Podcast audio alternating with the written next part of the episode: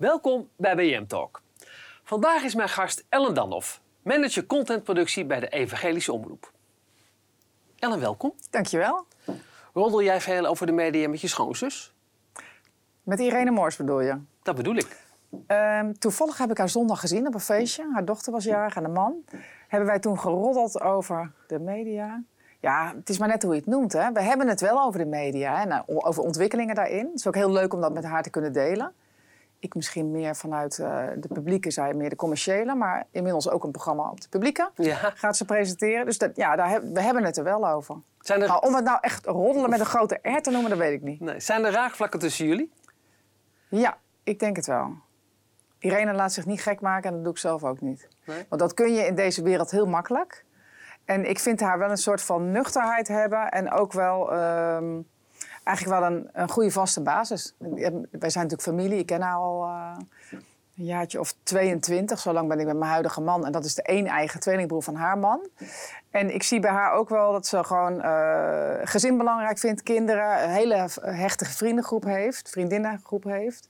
En dat ze daar gewoon veel uithaalt in het leven. En dat werk natuurlijk ook super belangrijk is. En zij heeft natuurlijk ontzettend hard gewerkt ook, altijd. En nog steeds.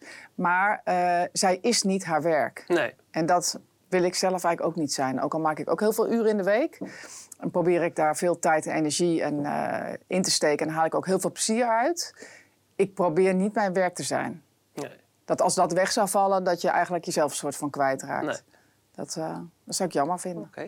Op een of andere manier vind ik jou helemaal niet bij de EO passen. Maar dat is misschien een, een groot misverstand. Leg eens uit, Jeroen. Ja. Wat, ja. wat, hoe zie jij de EO dan? Daar ben ik dan wel heel benieuwd. Ja, eh, toch een beetje, eh, of een beetje, de de christelijke omroep, keurig, netjes. Eh, ik wil niet zeggen dat jij dat niet bent, maar je snapt een beetje wat ik bedoel. Qua type, qua verschijning, qua, ook qua achtergrond.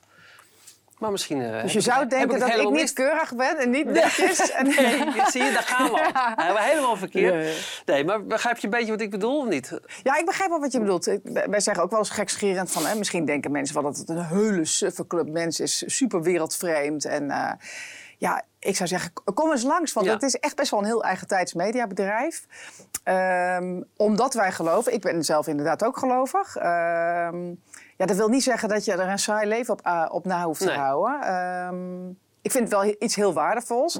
En ik vind het ook wel goed dat wij eh, daar echt wel naar kijken. Stel dat we zouden zeggen van ja, maar iedereen die hier werkt, je hoeft echt niet gelovig te zijn om dit werk te kunnen doen. Dan loopt ook een soort van kennis weg en een soort van vaste waarde van waaruit wij die programma's willen Ja. maken. En die programma's willen we wel voor een zo breed mogelijk publiek maken. Dus niet alleen maar voor christenen of eh, mensen die gelovig zijn of dat per se moeten worden, helemaal niet.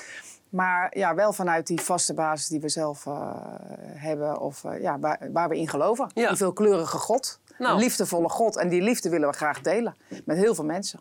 Hoe ben je zo in die mediewereld beland? Nou, dat is een goede vraag. Ik zat op de school van journalistiek en toen was er een docent, Kees Stukken, en die zei: Jongens, jullie kunnen niet allemaal televisie kiezen. hè, Want eh, de een raakt als al- oorlogsjournalist aan de drank en gescheiden en allemaal ellende. En ik heb ook geen tijd voor allemaal gesprekken met jullie. Ehm, dus alsjeblieft niet allemaal. Nou, ik had, ik had zo'n televisiegroepje gehad en dat was samenwerken. En die kwam niet opdagen en die had wat anders te doen. En ik dacht, weet je, laat mij lekker voor de krant schrijven. Dan ben ik voor mezelf verantwoordelijk. Kan ik gewoon heel, hè, je creëert echt iets met dat schrijven. Dat vind ik eigenlijk veel leuker. Dus ik ben gaan schrijven. Ja? En ik heb, eh, ik heb veel medische Waarvoor? verhalen gemaakt. Ik heb één jaar HBOV gedaan, verpleegkunde. Totdat ik de zoveelste decubitus bil invreef. Zo'n doorlichtplek. En ik keek zo vies toen ik mijn handen waste in de spiegel. Dat ik dacht, Ella, dit is niet jouw roeping. Dit moet je gewoon niet gaan doen. Toen dacht ik, nou, dan, wil